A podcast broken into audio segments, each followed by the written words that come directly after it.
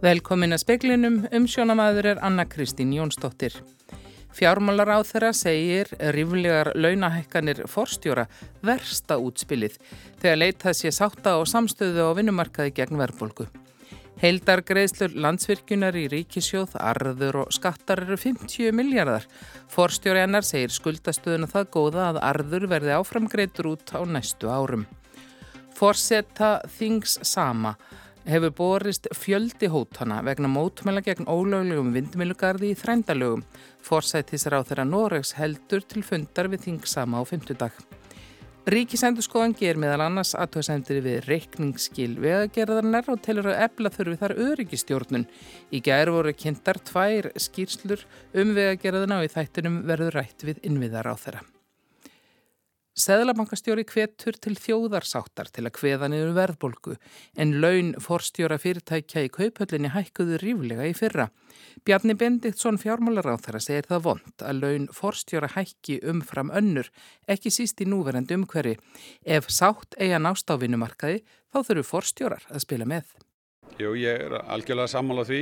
Eh, við erum í skattalegu tilliti, þá erum við að taka eh, alveg, sér, við erum með sérstætt skattrepp fyrir slíka tekjur og, og það er engin vafa á því að, að við viljum ekki sjá uh, launahækkanir á efri endan við þessar aðstæður. Þetta er alveg, alveg ve ve vesta útspili sem við fáum í þar aðstæður þar sem er verið að reyna að skapa sátt og fá alla til að snúa bökum saman. Bjarni segir nöðslegt að finna leiðir til þess að verja kaupmátt, stuðlaða lægri verðbolgu og hagstaðir í vöxtum. Þetta er, uh, ætti að vera algjört forgansmál. Sagði Bjarni Bendiktsson. Stjórn landsverkjunar ætlar að leggja til að greiða út 20 miljardar arð í ríkisjóð fyrir seinast ár. Þar að auki greiðir landsverkjun 30 miljardar í tekjuskatt, svo heildargreðslan nefnur 50 miljardum. Skuldastaða landsverkjunar hefur aldrei verið betri og reksturinn sömu leiðis að því að framkoma á ársfundi fyrirtækisins í dag. Hörður Arnarsson, forstjóri landsverkjunar, segist stoltur af ávinningi síðustu ára. Stjórnfélagsins mun leggja til við aðalfund að borga 20 miljardar uh, hérna í arð og eins og kom fram í máli fjármálstjóð það munum síðan borga 30 miljardar í skatt líka þannig að heldargreifsuna verða um 50 miljardar þessu árið til ríkisins en reksturinn lítur ágætla út, árið er samt stutt á vegkomið uh, en uh, það lítur vel út fyrirtæki líka orðið þar skuld, skuld létt núna að við teljum að það geti verið öflugar argreiftur til langstíma hjá landsfólk. Þeir eru svolítið að skipta um gýri í því? Já, við höfum náttúrulega létt borgað niður um 70% skuldunum frá 2010 og fyrirtæki er orðið bara mjög skuld létt bara, og engin sérstök ástæðilega að lækka skuldi frekar. Það er ekkert ólítið að gera samt uh, og ástæðið okkur verður meira þá bara að borga arð til eigandar uh, til, eins og kannski hefur alltaf verið stemt að og, og síðan að vera með áframhaldandi öflögu uppbyggingu bara, bara jafnum sem leifin fást veitt saði Hörður Arnarsson, Bjarni Rúnarsson rætti við hann. Tífalt meiri ólja fór í fjárvarma veitur á vestfjörðum 2022 en áriða þar undan. Þá varð orkubú vestfjörða keira á varabli vegna skerðingar og raforku frá landsvirkjun í 54 daga. Rúmum tveimur miljónum lítra af ólíu var dælt á fjárvarmaveitur á vestfjörðum árið 2022 en árið á undan voru það 210.000 lítrar. Elias Jónatansson er forstjóri Orkubús vestfjörða. Og vegna eh, lárar varstöðu í meðlunarlónu landsfjörðunar þá var hægt sölu í ákveðin tíma til okkar. Þetta stóði yfir í um 50 daga, 54 daga og meðan þá þurftum við að keira varafl. Já, þetta er mjög óvenilega mikið. Hins vegar eh, óttumst við að það geti stemt í, í fleiri svona ár eins og frambóðið er á rávorkumarkaðinu núna. Þessi varaaflsnótkun kostaði orkubúið fjórar miljónir á dag. Orkubústjóri segir markmið í umhverfismálum ofarlega í huga en þau færist fjær eftir svona ár. Þetta hefur gríðarlega áhrif á, á þær vendingar sem við höfum til þess að verða kólumnisfrí. En það undirstrykar enn og aftur mikilvægi þess að ebla orkuöflun hér inn á vestfjörðum, hvort sem er með jarvarma eða eða með virkjunum. Við afgreðslu fjárlaga 2023 samþykti alþengi breytingar tilugu fjárlaganemdar um 150 miljóna krónar framlag til jarðhittaleitar á taks á vestfjörðum. Orkubú vestfjörða hefur í fimm ár leitað að jarðhitta á vestfjörðum fyrir þéttbíli staði sem enn eru kynntir með raforku. Það eru þetta mjög góð lausn ef okkur tekst að finna jarðvarma til þess að koma í staði. En það eh, dýr auðvitað ekki til því að, því að við þurfum líka raforku á vestfjörðum. Sagði Elias Jónatonsson, Ólefurún Erlendsdóttir tók saman. Meiri hluti þings sama í Noregi krefst þess að óháð rannsóknanemnd verði skipuð vegna vindorkuversins í fúsen í þrændarlögum. Ríkið get ekki sjálft rannsakað málið þar sem orkuverið sé rekið í gegnum ríkisfyrirtækið Statkraft. Um eitt og hálft ár er síðan hæstiréttur í Noregi úrskurðaði að tvö vindorkuveri í fúsen væru ólögleg. Þau hafa fengið að starfa óáreitt síðan þá þrátt fyrir dóminn. Forseti þings sama Silje Karíne Múotka segir norsku stjórnina rúna trösti vegna aðgerðarleisis hennar í málinu. Tími sé til komin að taka vindmilurnar í burtu og gera landið að beitilandi hreindir að nýju, sagði hún að þingi sama í morgun. Jónas Gar Störe, forsætisráð þeirra Noregs, er væntanlegur á þing sama á fymtudag þar sem hann heldur fund með Múotka. Mótka grindi frá því í gærað henni hefði borist fjöldi hótana í gegnum samfélagsmiðla eftir mótmæli sama við norsk ráðuneyti undanfarna daga. Hún hefur fært lauruglu skilabóðin til rannsóknar. Hún segir skilabóðin algjörlega óásættanleg og beinir því til fólks að einblýna á málefnin frekar en personur. Hæstiréttur Noregs sagði vindmilurnar í fósen brjóta í báa við alþjóðasáttmála um að ekki megi skerða rétt minnilhutahópa frumbyggja þjóða til þess að njóta eigin menningar, trúar og tungumáls. Millurnar eru á beitilandi reyndýra sem hyrðingjara vættum sama halda. Búskapurinn er hluti að vernduðum menningararfi sama að mati hæstaréttar. Róbert Jóhansson sagði frá. Matvælastofnun er uggandi yfir komu farfugla til landsins vegna mikillar útbreyðslu fuglaflensu á vetrastöðum þeirra. Sér greina dýralegnir alifugla segir að fuglaflensu veiran hafi aðlagast og því sé alifuglum nú hættara við að smittast. Árir frá því matvalastofnun fyrirskipaði hertar varnar aðgerðir til að fyrirbyggja að fugglaflensa berist í alifugla. Þetta hefur nú verið áréttað í ljósi komu farfugla til landsins, segir Bríkett Bruggar, sérgreina dýralagnir alifugla. Við höfum bara áhyggjur að hún getur bara aftur borist í ár með vildu fugglum til Íslands, bara um leið að farfuglarnir koma. Bríkitt segir að mikið hafi greinst að fugglaflensu í Breitlandi, Danmörku og Hollandi þar sem eru vetra stöðvar farfugla. Bríkitt segir brínt að fylgja varuða ráðstöfunum. Þetta þýðir að allir fugglar með ekki ganga lausir að þeir verða að vera haldnir í lókuðum gerðum undir þakki til að tryggja þeir geta ekki komist í snertingu við vildu fuggla því þeir geta náttúrulega smitast fyrst og fremst í gegnum snertingu frá þeim, frá vildu fugglunum. Í fyrra kom upp smit á bæ þar sem fugglar voru haldnir og þurfti að aflífa alla fugglana með tilerandi tjóni fyrir bændur. Brigitt segir brínt að vildir fugglar komist ekki í fóður alifugla og fólk ber ekki smit með fatnaði skóm eða óhrinnum hönduminn í hús þar sem alifuglar eru. Þá hvetur Brigitt almenning til að láta vita að veikum eða dauðum fugglum.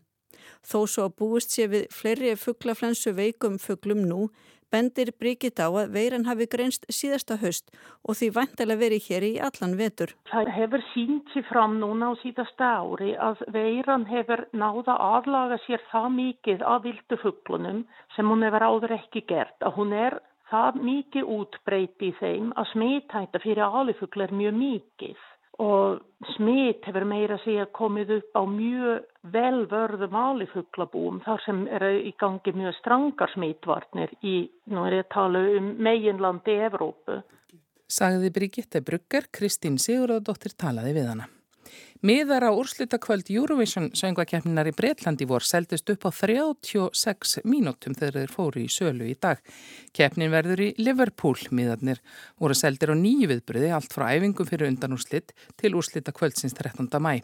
Og miðar á úrslutakvöld rauk út, miðar á hina viðbröðina seldist upp um klukkutíma síðar og nær all gistiplási Liverpool hafa verið uppbókuð frá að tilkynnt var að keppnin erði haldinn þar.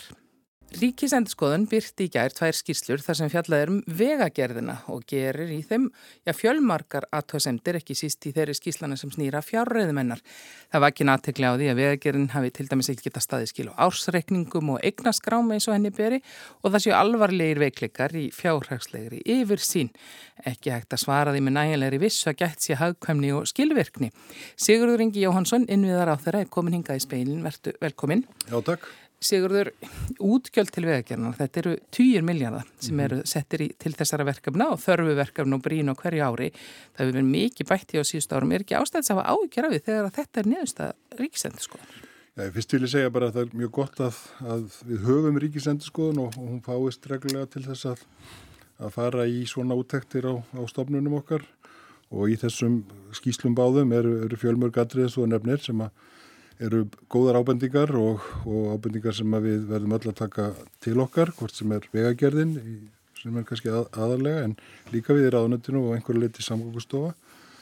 Eh, sem betur fer að þá er þessi úttækt unnin 21 á grunni svona ársins 20 og þar á undan og mjög margt hefur verið lagað einfallega af þessu. Til dæmis í fjárhagsskíslunni held ég að segja vel yfir 50% sem búið er að lagfæra og var verið að vinna og restin er í, er í vinslu og það sama má svo sem segja um, um hinnaskíslunum um stjórnun, regnisald og eftirlit með öryggi og gæðum framkvæmda. Uh, að er, þar erum við búin að gera ímislegt við að gera sjálf.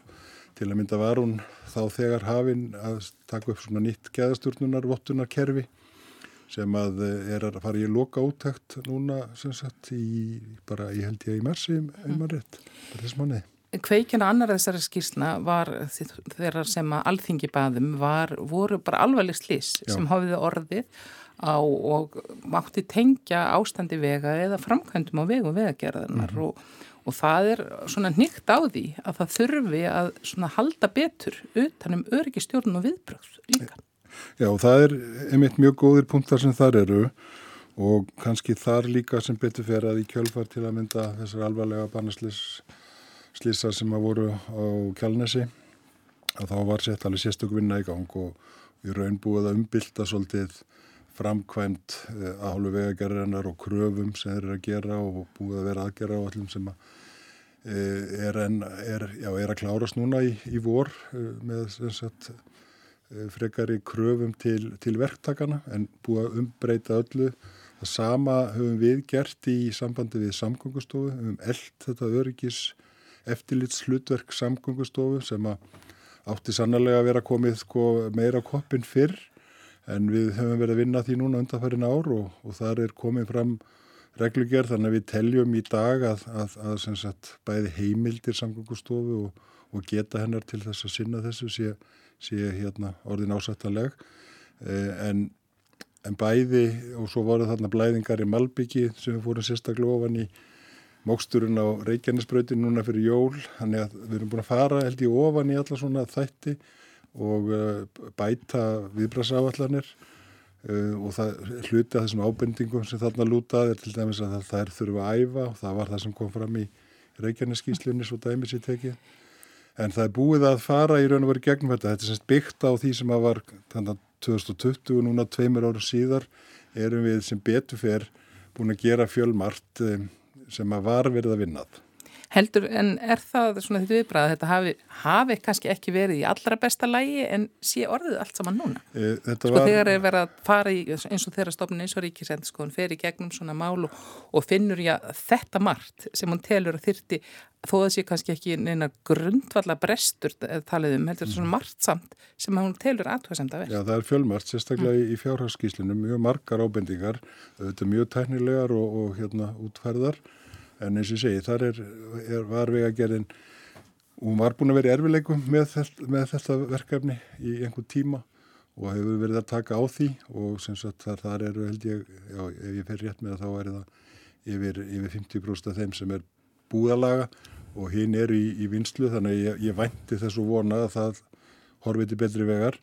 Eh, þú nefndir ásreikninga, þeir eru einu verið tveir sko og það er kannski svolítið vandamál og við höfum sagt að það, við þurfum að sjá betur inn í e, e, kostnaði einstaka verkefni, hvernig þau þróast. Og við höfum verið að bæta meðvegagerðinni, sem sagt áætlanagerðina, setja inn arsemis mat og, og kröfur. Og þeir vegagerðin sjálf er þá komin með svona verkefnistjórn það sem er nú raun og veru hérna kemur fram líka í skýslunni, það sem er svona ákallum er verkefni stjóri yfir hverju verki. Og þú getur raun og veru fyllt eh, kostnaðinum eftir í hverju verki á hverjum tímalínu og helst ábyrðar og náttúrulega ábyrðar aðala hverjum, hverju, hverju verki fyrir sig. Þannig að þetta er svona að gerast. En er það svona, finnst, finnst þér það að vera kjarnin í þessu að það hafi vantað svona þessa yfirsýn eða eftirfylgni Já. með sko, stökum verkefni og því að þetta eru náttúrulega eins og ég sagði þá, þetta eru 10 miljardar sem fara þarna Já, í, í gegn og, og ráðuniti kannski líka þarf að fylgjast betur með. Já, við, við höfum sem sagt verið að bæta þessu upplýsingagjöfum með því að meðlans að setja á laginnar svona opna gátt, kvöldu vegvísi.is þar sem að fjölmart er inni og, og hérna Ríkisendskoðun bendir á að það mætti jafnvel setja þá einn sko ferli einstakra framkvæmda þannig að það sé að fylgjast og nota þeir raun og veru sem einhvers konar eftirfylgnis hérna tæki líka og ég held að, að við munum bara sjá, skoða það, þetta var, þetta var verulegt framfara skref að það geta allir farið inn og séð einstakar framkvæmdir hvar þar eru, hver er uh, framkvæmda áallunin, kostnaðurinn og hvenar þeir eru á tímalín og hvenar eru búnar eftir einstökum landslutum, jafnvel sveitafélagum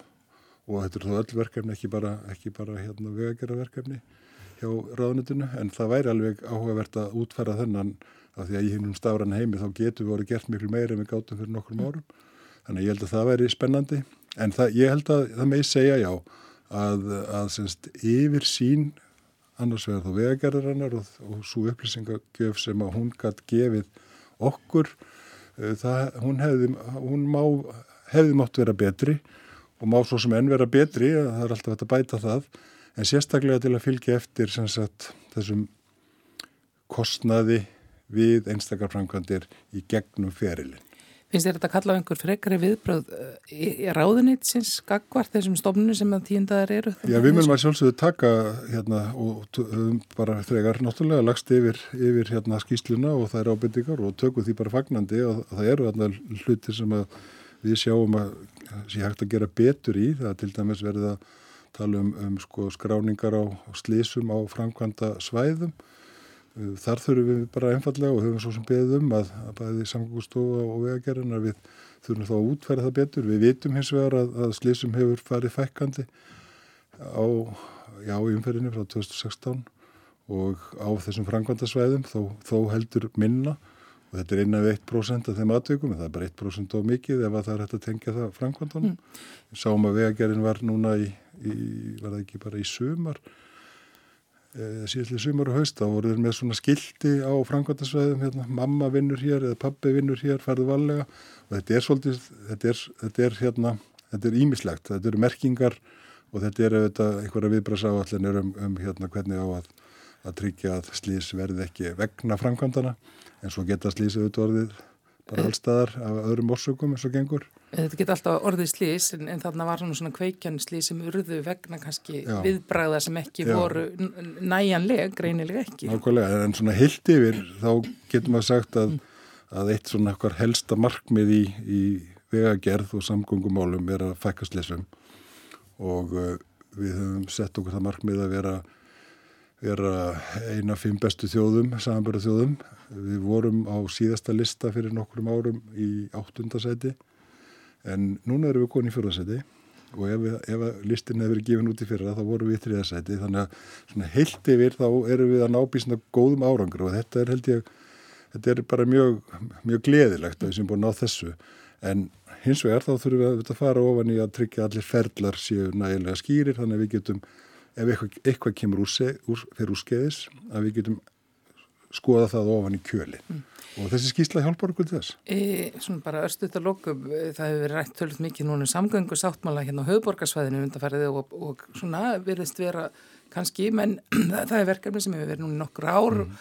uh, kostnaður, orðin tölvöld mikil þó svo að kannski endanlega end, enda, líktir á verkefni sjálfu séu langt í frá það að séu í auksín sko, þarf að fara endur skoða það Ég er ekki vissum að við þurfum að endur skoða hann en, en það er alveg sjálfsagt og nöðsilegt að uppfæra bæði framkvæmda áallunir og kostnæðar áallunir það við bara horfum á það að, að sko vísitala samgöngu hefur hækkað um tæp 30% eh, mjög margt hefur hækkað um 30-40% bæði vegna COVID en líka vegna strísins í Európu og, og hækkandi orkuverðs þar sem kemur síðan til okkar aðeins setna eins og við þekkjum í verbulgunni e, fyrir vikið hafa verkin bara þeim sögum orðið dýrari en svo hafa þau líka í, í ferlinu sem sagt, menna vorum einhverju hugmyndir um lausnir sem síðan hafa stækkað eh, vegna sem henn sá tækifæri til þess og þá er bara nöðsulegt að setja staðins yfir það og við höfum átt fundi bæði með með hérna ótvitum eða bæjastjórum hérna, og borgastjóra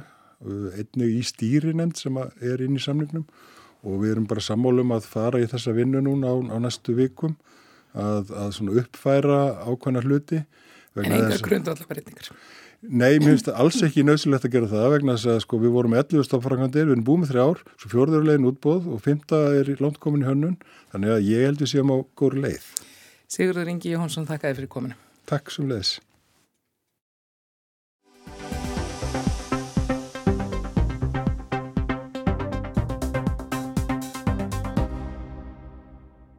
Æðstur áðamenn í Kína hafa ekki sparað stóru orðin í garð bandaríkjana á orsfundi fastanemdar alþjóðu þings landsins sem hófst á sunnudag. Sínu að fréttastofan kynverska hefur eftir Xi Jinping fórsetta á fundi með framamönnum í atfunnilífinu í gær að Vestræn ríki hafi undir fóristu bandaríkjana beitt inn í lokunar stefnugagvart Kína, einangrað landið og haldið því niðri á alþjóða vettvangi. Þetta hafi haft alvarlegar afleðingar fyrir þróun mála á margvíslegum sviðum. Frettaskýrendur voru vartbúnir að koma sér saman um að svona berorður hefði Xi Jinping aldrei verið í gaggríni sinni á bandaríkinn þegar King Gang, nýskipaður utanríkis ráþæra landsins, bætti um betur á fundi með frettamönnum í Peking í dag.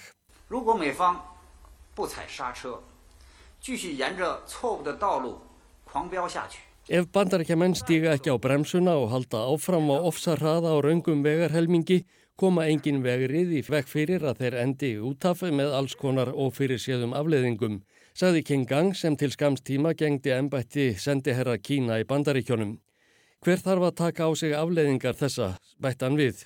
Þessi baróta er gáleisislegt hættuspil þar sem í húfi eru grundvallar hagsmunir þjóðana og framtíð mannlags eðlis. Við kýmverir erum eindreið á móti þessu. King Gang var á sínum fyrsta fundi með frettamönnum frá því að hann tók við ennbætti utan ríkisráþara. Hann sagði að framkoman sem bandarísk stjórnvöld hefði sínt af sér gagvart kynverjum að undanförnu yrði þeim ekki til framdráttar. Kynverjar ættu eftir að það ná sér á streikað nýju. Vandræðin sem sköpuðust þegar kynverkur loftbelgur sveifin í bandaríska lofthelgi á dögunum sagðan að hefði vel getað verið umflúin. Hægt hefði verið að leysa málið án þess að það endaði í diplomatískri deilu. Þeir, það er bandaríkjaman, líta á kynverja sem sinn helsta andstæðing og landfræði pólitíska aurun. Ástandið minnir helst á það þegar maður neppir efstuð skirtutölinni vittlust þannig að allar hinnar ratæði vittlust napagat, saði ráþarann en fremur. Vestrannir fréttaskýrendur eru gáttaðir á orðavali fórsetans og utenríkis ráþarans. Þeirra á meðal er Silja Hatton, yfirmaður frétta þjónustu breska ríkisútvarpsins BBC í Kirrahafs Asíuríkjum. Hún saðist í fréttaþættinum Newsroom í dag aldrei hafa heyrt annaðins á 20 ára ferli sínum í heimslutanum. Um Xi Jinping sagðun. He never says things like this. In fact, most China watchers think this is the first time he's ever directly called out the United States using such language. It certainly directs attention towards the United States. Hann talar aldrei svona, saði Silja Hatton. Flestir sem fylgjast með kynverskum málefnum eru sammála um að þetta er í fyrsta sinn sem hann hefur talað um bandaríkinn með þessum hætti.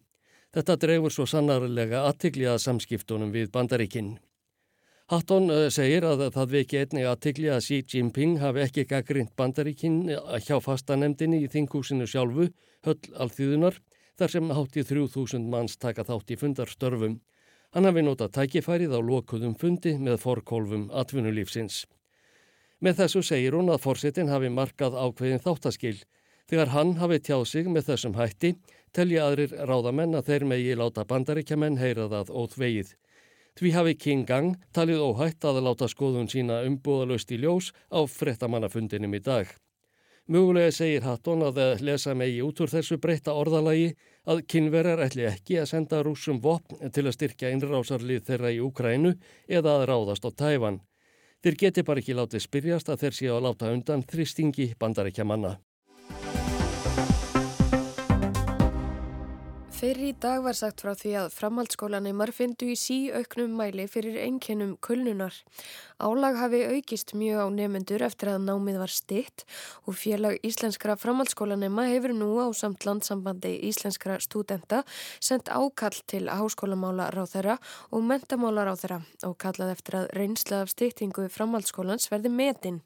Í gær var haldinn þjóðfundur í hörpu á vegum menta- og barnamálaráðuneytisins um framtíð skólaþjónustu þjónustu á Íslandi. Framhálskólaneymari er að verða svolítið út undan þarna og maður heyriði það að þetta var allt starfsfólksskólana, það var engin nefandi þarna, eðlilega, þau eru í skólanum, en það var öll, allir framsögumenn á sviði, þú veist, það var alltaf verið að tala um börn og börn og börn. Þú veist, maður heyriði aldrei börn og ungmenni. Það er rosa mikið verið að pæla í vandamólanum í grunnskólanum sem er bara verðugt og gott, en það er gert á kostnað framhálskólanema. Það er staðrind. Segir Katrín Kristjana Hjartardóttir framkvæmdastjóri sambands íslenskra framhaldsskólanema sem telur að styttingu framhaldsskóla námsins hafi ekki verið fyllt nógu vel eftir.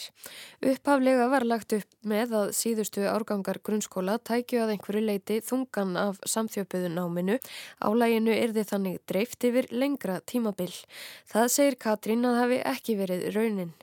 Mentaskólanimar séu við það að bugast vegna álags og síni margir enginni kulnunar við útskrift. Já, svo bætist þetta á kerfinu að þetta byrtist þannig að þú ert með einhverju vanlíðan sem brýst þarna út og þetta hefur áhrif á enganir, þetta hefur áhrif á velgengni Íslands í veist, könnunum út á við. Þá vandi alveg að meta hvaða áhrif stýttingnámsins hefur haft á gæði þess. Mér þykir alltaf betur að tala í tölfræði og í starrendum en við höfum enga tölfræði eða starrendir. Við höfum bara sögursagnir nefnda um bara líðan og álag í skólum og það er mikið.